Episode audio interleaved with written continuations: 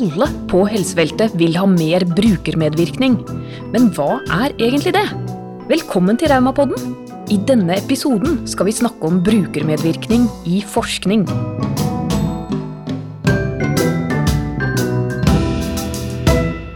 Brukermedvirkning. Det høres ut som et byråkratbegrep. Eh, det er noe jeg gradvis har begynt å forstå er utrolig viktig og utrolig spennende. Rett og slett for at vi pasienter skal være med og utforme tjenestene og helseforskningen på det feltet som vi er en del av. Nå er jeg så heldig i dag at jeg har fått med meg to eksperter til å snakke om brukermedvirkning. Den ene er min kjære kollega og podvert eh, Joakim Sagen. Hei, hei. Joakim, du har jo på en måte forlatt oss, eller du, du, du har eh, avansert i din karriere. Kan ikke du fortelle litt om den eh, nye jobben din? Eh, jo, altså jeg har ikke forlatt, jeg har bare delt meg. 80 eh, på Diakonhjemmet som doktorgradsstipendiat om brukermedvirkning i helsetjenesten. Og så er jeg fortsatt 20% her i Norsk Grammatikerforbund, da. Men folk har jo spurt seg lenge hva vi skal leve av etter oljen. Ja. Og da mener jeg at uh, brukermedvirkning er i hvert fall en av det vi skal leve av, da. Og det er jo et vanskelig begrep, jeg er helt enig i det. Det er uh, mange ting det, som brukermedvirkning handler om. Det kan være utvikling av produkter, f.eks. mange går rundt med en velkjent telefon, iPhone og Mac, som er veldig basert på hva brukernes behov, og kanskje nettopp det som har gjort suksessen nå. Og så er det brukermedvirkning i Eh, utforming eh, av bygninger og, og, og, transporttjenester, universell utforming.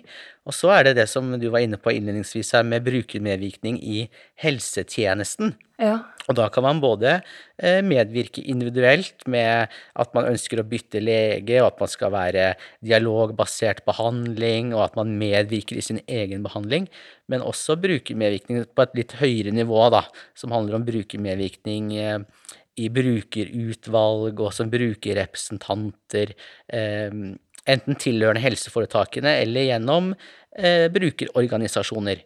Men det vi skal fokusere mest på i dag, det er brukermedvirkning, den siste kategorien, i forskning. I hvordan man kan bidra til å styrke brukermedvirkningen i helseforskning, ja. Og det er et felt som er i liksom eksplosiv vekst, eh, og det skal vi komme mer inn på. Så bare for å spole litt tilbake, for dere som kjenner podkasten, har jo hørt Joakim og meg diskutere mange spennende spørsmål, og plutselig så blir han også forsker.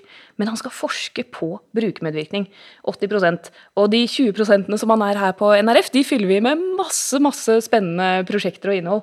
Så heldigvis så, så vi, vi, vi lar deg ikke gå, altså. Du får ikke slutte å være her.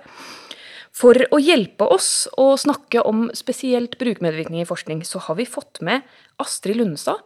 Astrid kjenner jeg godt fra pasientkretser. Du har vært aktiv i samme miljøene som meg på muskel-skjelettfeltet, som pasientrepresentant og aktiv i Landsforeningen for kvinner med bekkenleddsmerter i mange år. Men de siste årene har du også jobbet i Formi, akkurat med brukermedvirkning i forskning. Kan ikke du fortelle litt om din historie og hvorfor du har havnet der du er? Ja, hei. Eh, takk for invitasjonen.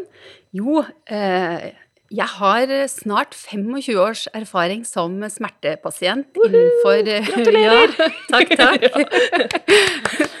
Det er sjelden man får en sånn respons på, ja, ja, på det budskapet, men uh, Gullmedalje som smertepasient. Ja, ja, ja. Uh, og så uh, har jeg da i mitt engasjement gjennom Landsforeningen for kvinner med bekkenleddsmerter, eller LKB som vi kaller det internt, jobba med mange ting for at vi pasienter skal få riktig hjelp til rett tid. Mm. Eh, og gjennom det arbeidet så kom jeg i kontakt med Formi, og det er altså forskning- og formidlingsenheten for muskel-skjeletthelse, mm. Eh, som er en avdeling på Oslo universitetssykehus som holder til på Ullevål. Eh, de ville jobbe fram et bedre system for sin brukermedvirkning i forskning, og da fikk jeg rett og slett en 20% stilling for å være med å utvikle et system og lage et kurs og der har jeg da vært i tre år, og mm. har nå fast eh, stilling i 20% som brukermedvirker. Jeg kaller meg en opplyst pasient. En opplyst pasient. Ja. Og du er med å forme eh, metodene som brukes for, eh, for, brukermedvirkningen i Formi. Da. Og Formi har jo blitt et sånt eh, en, De har laget en modell, du har vært med å lage en modell som flere og flere andre i Norge nå tar i bruk. Ja, Eh, vi har holdt en del kurs. Jeg tror det er vi som har holdt flest kurs i brukermedvirkning i forskning i Norge. Og Revmatikerforbundet har jo vært med på å utvikle kurset mm. i grunnen. Eh, og så har vi videreutvikla det og havna på en modell som vi synes er bra. Men vi ser jo stadig at eh, forskere trenger brukermedvirkere til sine prosjekter. Fordi noen gjør det fordi det er et krav, andre mm. fordi de skjønner at det lønner seg. At det blir et bedre forskningsprosjekt mm. eh, med brukermedvirkere. Eh, og så finner de ikke de brukermedvirkerne de trenger. Mm. Eh, alle, det er mange brukerorganisasjoner som ikke har klare brukermedvirkere, så vi må løfte dette her og gjøre hverandre gode på dette her for å få bedre forskning i Norge.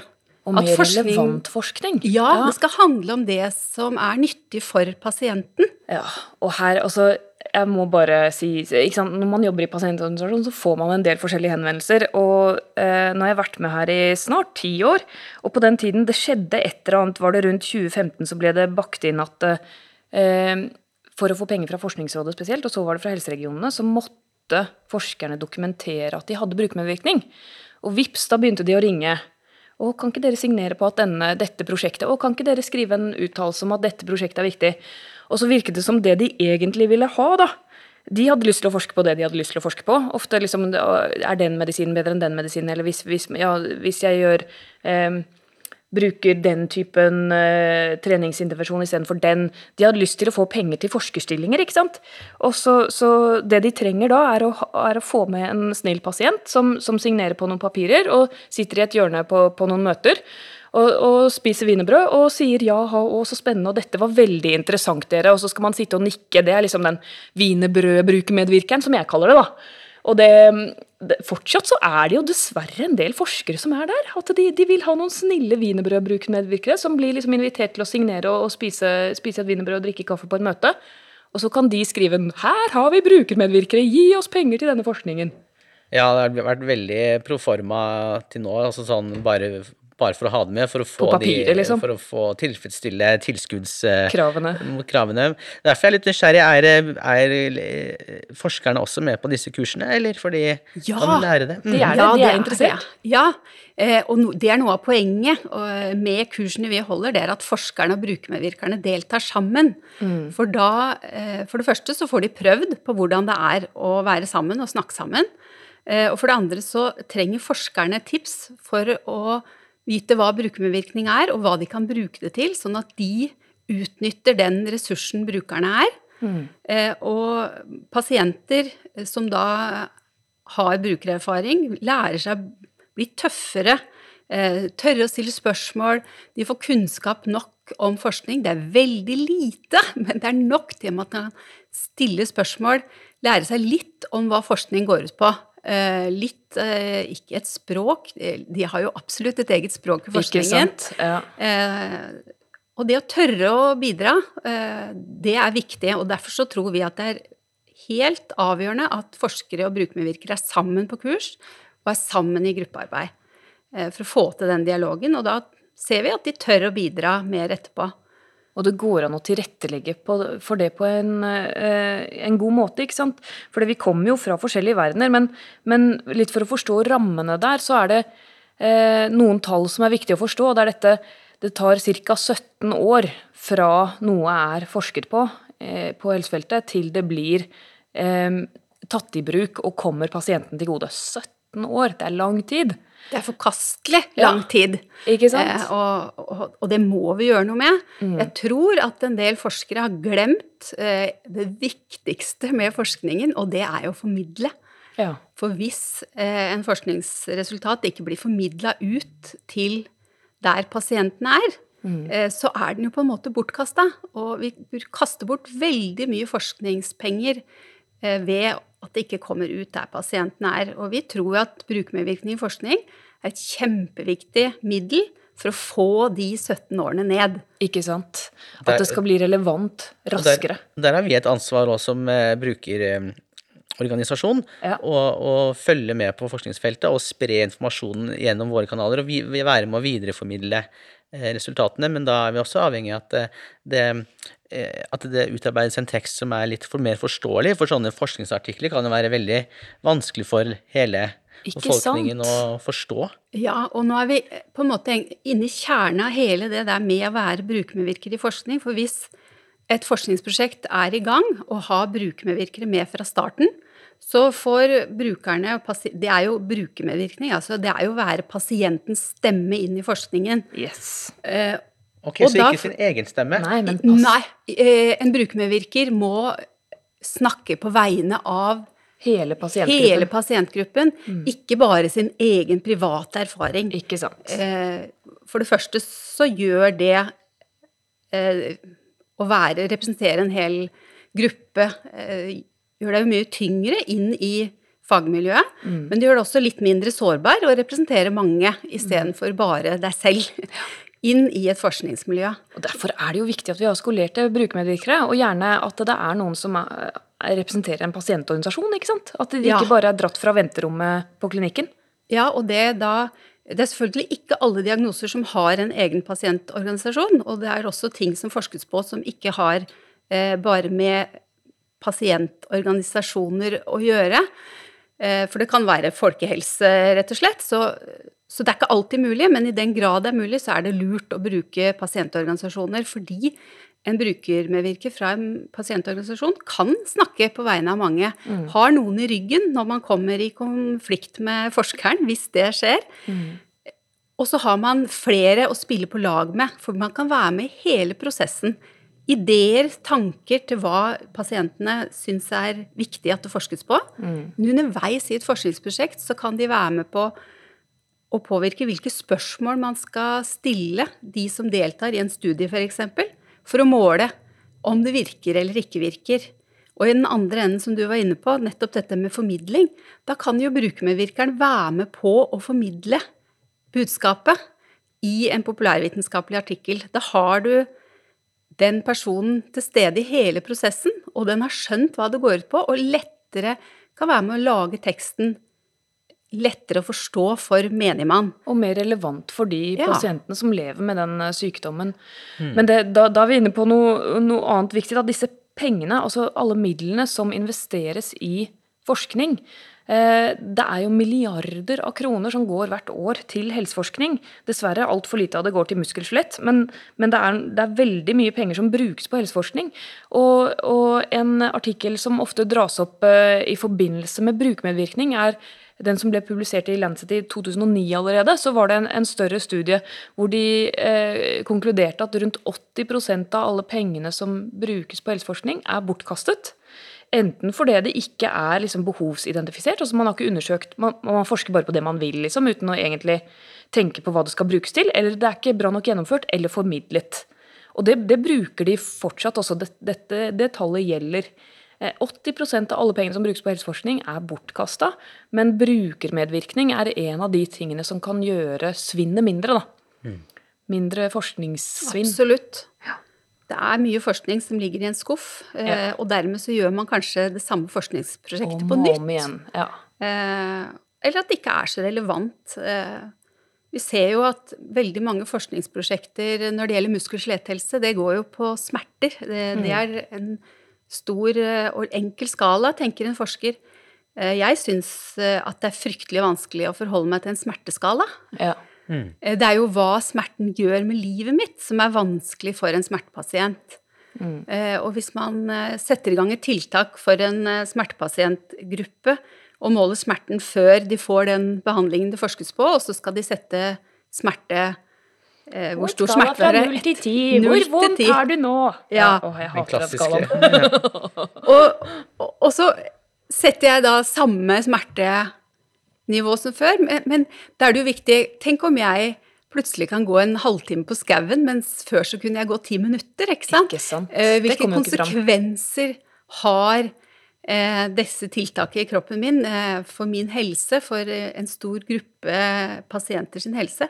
Det er så mye mer enn et tall på en smerteskala, og som er fryktelig vanskelig å forholde seg til. Mm. Så det å være i dialog i hele forskningsprosjektet om sånne ting, tenker jeg at gjør eh, forskningen bedre og mer relevant. Og mange pasienter blir også spurt om hvor vondt de har når de er hos en fysioterapeut. Ja. Og så er det kanskje først dagen etter smertene Ja, kommer. Det har du kanskje sant. opplevd sjøl. Mm, ja, ja. Og, og da må man jo ta høyde for det. Ja. Altså hele, hele feltet. Jeg tenker liksom Det er vanskelig å sette seg inn i forskning, men det er lett for oss som pasienter å snakke om helsa vår, eller liksom snakke om sykdommen og hvordan det påvirker oss. Så den derre oversetterjobben Altså, man trenger jo gode metoder for å kunne snakke sammen. Mm. Om, om eh, Ja, rett og slett om hva det er eh, vi skal forske på, da. Så jeg merket i hvert fall at det var veldig stor forskjell når pengene til forskningen ble koblet til brukermedvirkning. Eh, Men, men jeg mener at vi fortsatt får altfor mange henvendelser for sent i prosessen. Kommer, vi har denne ideen, vi vil gjøre dette prosjektet. Vi, vi trenger penger. Kan dere signere her så vi får pengene? Men det du snakker om, Astrid, er jo at vi skal snakke sammen om hva det bør forskes på. Altså mye tidligere i prosessen. Kan ikke du fortelle litt om den modellen dere har utviklet, og, og de ulike stadiene? Jo. Eh, På Formi så lagde vi da kurs, og så har vi lagd eh, noe vi kaller for Formi brukermedvirkerbase. Eh, Og det er altså en base med brukermedvirkere som kommer fra forskjellige brukerorganisasjoner innenfor muskel-skjeletthelse-området. Eh, Og så eh, kan da forskere henvende seg til Formi for å få brukermedvirkere fra den basen som kan delta. Men så har vi også noe som vi kaller for samarbeidsforum, som vi arrangerer. Okay. Og da kan forskere på alle stadier av sin forskningsprosess, eh, kanskje når de har eh, bare en idé, komme og lufte det med mange brukermedvirkere. Så kult. Eh, og da ser man jo det at du får en helt eh, annen måte å gjøre brukermedvirkning på, når brukermedvirkerne sammen hører For når jeg hører du si noe, så kommer jeg på noe som er viktig for oss. Og så hører jeg Anna si noe, så, og da får man en sånn synergieffekt rundt bordet da, som forskerne kan dra nytte av. Eh, og så opplever også forskerne å bli veldig inspirert. For det vi En ting er at vi som brukermedvirkere og som brukerorganisasjoner syns det er viktig at vi kommer i dialog med forskerne. Eh, Men det er også en gyllen mulighet til å heie på forskerne. Det er jo veldig masse flinke forskere som ønsker å gjøre livet vårt bedre. Ja. Eh, Og det vet vi kanskje ikke så mye om, så det er Ikke også en sant. mulighet som går begge veier, da. Eh, Sånn at eh, selv forskere som, er på, som jobber på gennivå, blir Mm. inspirert av å snakke med brukermedvirkere, og det er de ikke eh, forberedt på for forhånd. Ikke sant? Fordi de ser at eh, det er mye nærmere enn de selv tror. Ja. Eh, Så sånn samarbeidsforum er en veldig god måte å få tidlig brukermedvirkning på. Men det er også en måte å få mange tilbakemeldinger på et spørreskjema, f.eks. For, eksempel, for det brukes ofte spørreskjemaer i, I i, forskning når man prøver ut medikamenter eller eh, behandlingsformer. Eh, Så man kan ta forskjellige stadier. Det er ikke én brukermedvirker som må være den samme i et helt forskningsprosjekt. Noen forskningsprosjekter kan jo vare i 10 og 20 år, og da blir det litt av et oppdrag å ta på seg som brukermedvirker. Så, og den modellen føler jo vi at virker veldig bra. Eh, og skulle ønske at mange flere kunne organisere seg på den måten, for det gjør jo oss som brukermerkere også tryggere i rollen når vi har hverandre. Eh, da blir vi ikke så alene inn i forskningsmiljøet. Samarbeidsforum, det høres fint ut. Hvor stor er den poolen dere har nå? Er det lett å rekruttere nye? Eh, vi har nå en pool på sju-åtte medlemmer, Ja. og det er ikke så mye. Nei. Men eh, vi har, ikke, vi har stoppa der, for vi har ikke flere oppdrag. Mm. det ville vært dumt å lage den poolen kjempestor Ja. eh, hvis man ikke har oppdrag til de. For eh, i Norsk Grammatikerforbund her, så eh, barne- og ungdomsdelen, Bjørg, da, vi har en pool på sånn rundt det samme, og vi merker at eh, eh, det er ikke nok, for etterspørselen etter brukermedvirkere eh, kommer hele tiden, har økt, og den øker bare mer og mer. Eh, Sånn at vi trenger deg der hjemme. Og hvordan går man fram da? Eh, Jeg tenker jo at man skal kontakte sin egen brukerorganisasjon for å, for å høre om det er noe. For du, mm. en brukerorganisasjon skal jo også være trygg på at dette er eh, en person de ønsker å sende. Ja. Eh, og så skal vi ikke være altfor strenge med de kriteriene, for alt, all pasienterfaring er sann pasienterfaring. Eh, Og så er det Vi på Formi, vi holder jevnlig kurs. Så det går an å søke opp Formi på internett og, så, og sette seg på en liste der. Nå har jo dessverre korona ødelagt det kurset vi skulle hatt i vår. Mm. Vi veit ikke når vi kan ha neste kurs. Selvfølgelig kan man tenke seg å gjøre noe av dette på nett. Eh, men vi tenker jo at den dialogen som er mellom forskere og brukermedvirkere, er så viktig del av det kurset at foreløpig har vi ikke valgt å, å, ha noe digitalt kurs i brukermedvirkning. Men det må vi jo vurdere. Der har ja, vi, vi hoppa inn og, og ja, jump the gun. Ja, vi har akkurat uh, ferdigstilt et digitalt uh, kurs da, som uh, Dersom du har lyst til å bli brukermedvirker på revmatismefeltet, så ta og send en mail til josalfakrøllrematiker.no. Så får du en link til et digitalt kurs, og så er du med i en brukerpool og kan bidra til å gjøre en stor forskjell for en hel gruppe. Dette er jo litt mer spesifisert på revmatiske sykdommer. Dere er litt mer generelle? Ja, vi, vi, har jo tre ja.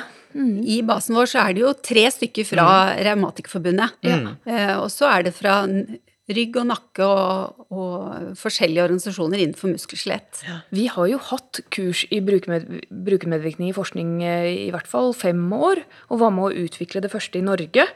Eh, og har holdt de jevnlig opp, eh, opp igjennom. Men nå, nå har liksom behovet har økt så voldsomt, da. Men også øh, virker det som det nivået, kunnskapsnivået man trenger for å, for å kunne følge med i et, et helt forskningsprosjekt, er, det er ganske høyt. Så vi trenger å, å backe opp våre brukermedvirkere.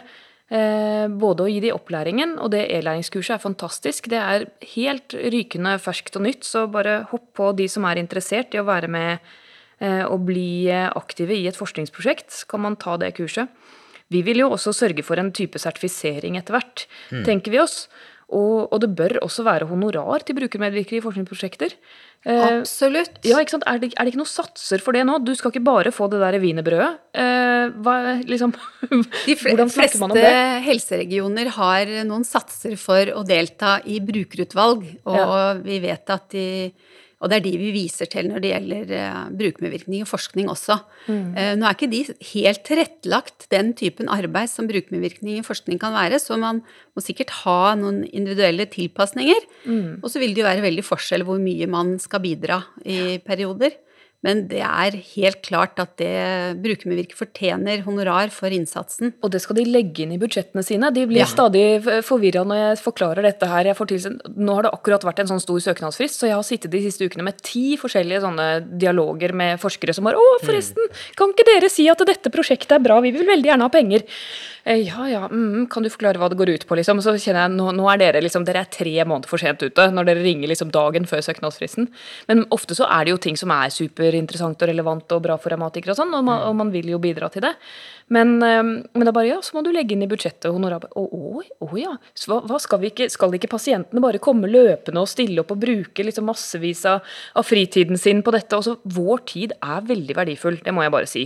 Vi som har, lever med kronisk sykdom og smerte, vår friske tid, den, altså den tiden vi kan bruke kroppen og hjernen aktivt, på en måte, den er redusert ofte. Den er veldig verdifull. Ja, både, både tiden, men også kunnskapen eh, vi har. Den er like verdifull er som uh, helsefagarbeidere og forskere. Derfor uh, tenker jeg at det er, kan være greit å jobbe for, eller foreslå, at, at honoreringen er på lik linje med andre helsefagkonsulenter, da, som er på rundt 2500 kroner i timen. Det er jo vårt uh, forslag. Det, det, får vi ikke i dag, men ja, den Ja, ja, det er Joakim! Ja, ja, vi tar den kampen. Ja, altså, det, for at det skal bli Det handler også litt om uh, om at man skal like, møtes på like premisser, at ikke man skal skape skjevhet i rollebalansen. At, man, at, at, det er symbol på at kunnskapen er like mye verdt. At tiden man setter av, er like mye verdt. Um, Bakgrunnen, jeg mener. Likeverd ja. i en prosess, eh, mm. i et forskningsprosjekt, er jo helt sentralt og grunnleggende for å få eh, godt samarbeid. Det er at vi er like mye verdt. Så vil selvfølgelig noen være sjefen for prosjektet, og det vil være ansvarlig forsker, ja. men at vi er likeverdige inn i det. Så det er en spenstig sats du snakker om der. Lykke til, jeg heier på deg. Ja, ja det er bra. og så er det mye verdt altså for forskeren å ha gode brukermedvirkere. For vi ja. ser jo at forskere som har f.eks. skal prøve ut et um, treningsopplegg til nybakte mødre. Mm. Har en ideell verden og legger i gang og setter en plan for hvor ofte de skal komme til fysioterapi, og hvor ofte de skal trene. Også når de begynner å snakke med en nybakt mor med bekkenleddsmerter, som jeg kom fra, så, så, kanskje de blir litt realitetsorientert. Og så setter man faktisk i gang et uh, forskningsprosjekt som deltakerne blir i. De får, får, ikke frafall fordi det er realistisk og det er mulig å gjennomføre deltakelsen i studien. Og da får jo den forskningen tryggere og bedre resultater. Mm. Eh, så det å investere i brukermedvirkning for forskeren i en sånn sammenheng, det er jo en kjempegod investering.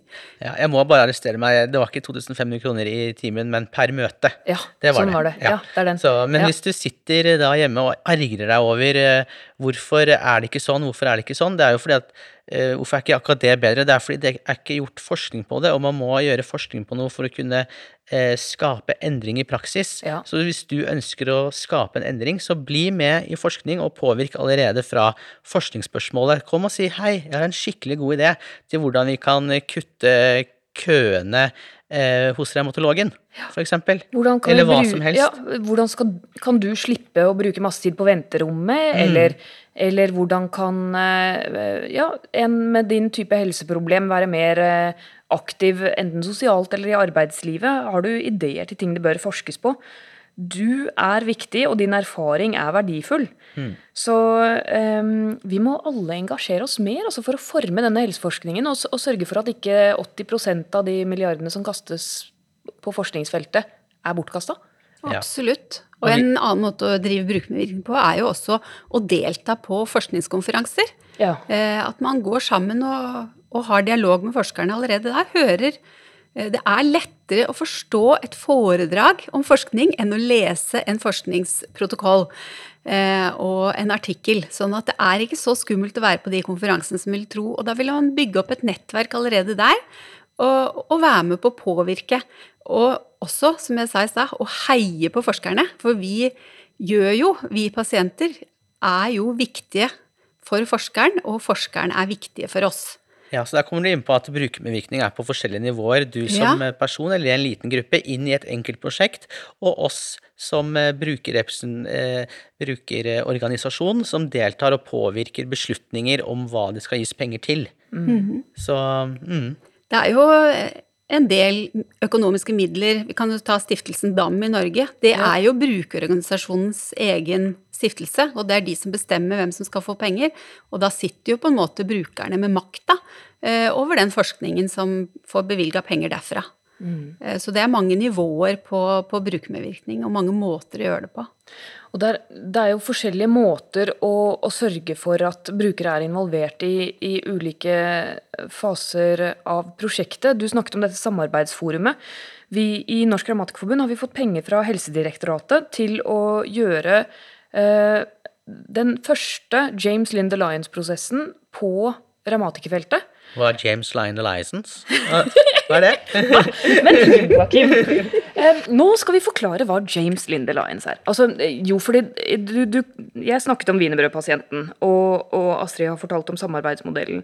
Men James Linde Alliance er jo en, en stiftelse som har utarbeidet en systematisk modell for liksom, en metode for å eh, ta med brukernes erfaringer, altså en dialogprosess med både klinikere, dvs. Si om det er leger eller fysioterapeuter, forskere og brukere, i en sånn workshop-prosess hvor man også sender ut eh, en del spørreskjemaer innimellom workshoper, hvor man sammen eh, diskuterer og undersøker hele forskningsfeltet som man jobber på.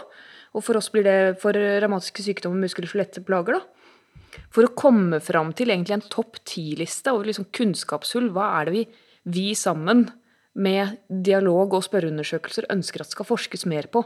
Så det er en metode for å finne mm. kunnskapshull. Hvor dette bør det forskes mer på, og komme fram til, vi skal prøve å komme fram til en topp ti-liste på muskel-skjelettfeltet gjennom dette prosjektet. Spennende. Ingenting om oss uten oss, heter det prosjektet. Mm. Vi trenger brukermedvirkere og engasjerte folk til å være med i det. Da kan du skrive til post.traumatiker.no hvis du er interessert i å bli med. Mm -hmm. Har du jobbet noe med James Lind Alliance, eh, du Astrid? Ikke direkte. Eh, og det prosjektet er jo kjempespennende. For det å avdekke kunnskapshull, det greier ikke forskerne uten eh, å ha med seg pasientene.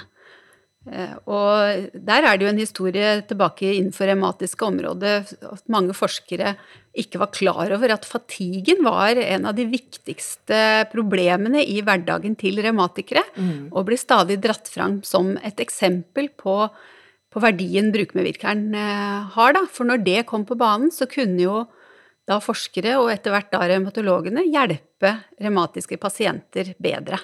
Mm. Så de var rett og slett ikke klar over at fatigue var en stor utfordring, og kanskje det som hemmet pasientene mest? Nei, det var de ikke klar over. Eh, og vi ser det innenfor bekkenløssmerter og en god del ryggpasienter, så er det hvis eh, du snakker med dem hva er den største utfordringen din i hverdagen, så, så er det selvfølgelig smertene. Men for mange så er det det at du får vondt av å sitte. Mm. Eh, og det å at eh, det å sitte er en smertetrigger, det er jo en kjempestor utfordring i mange rygg- og bekkenpasienters hverdag. For, for, hvor ofte sitter du ikke? ja, altså det er en funksjonshemming, ikke sant? Altså det, ikke sant? Det, det, rullestol hjelper ikke engang. Nei. For da må du sitte i rullestolen. Så skal du ha sånne eh, tralle Det er jo så vanskelig å komme seg rundt når du å delta på noe som helst. Jeg mener flyreise, ja. togreise, bilreise, trikkereise Kino, foreldremøte, ja, foreldre, ja. kantina, middag. Altså, alle typer arbeidsliv, stort sett. Så det at det blir tatt hensyn til, da, er jo veldig viktig for en stor pasientgruppe. Mm. Eh, og det er jo grunnen til at mange havner utafor arbeidslivet. Mm. Det, og det er jo ikke sånn at du, sittehemming er et begrep noen vet om, men det er jo ikke sånn at du detter av stolen. Det, det gjør bare så vondt at du da ikke fungerer i hverdagen. Mm. Gå på bekostning av nattesøvn. Liksom. Så den dialogen med hva som er viktig for pasienten, er veldig viktig at forskeren vet. Forskeren har jo lett for å se på, på et bilde av ryggen eller, eller, det området hvor man er ekspert på.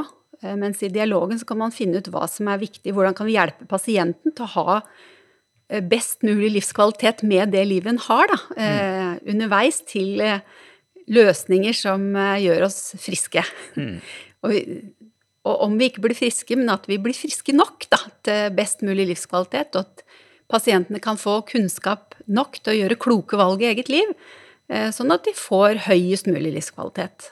Og da er forskere og brukermedvirkere sammen et eh, godt team.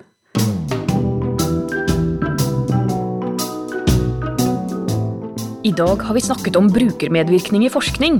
Tusen takk til Astrid Lundestad, som kom og delte kunnskap og erfaring med oss. Som vanlig er det Podmaster som har fiksa lyden.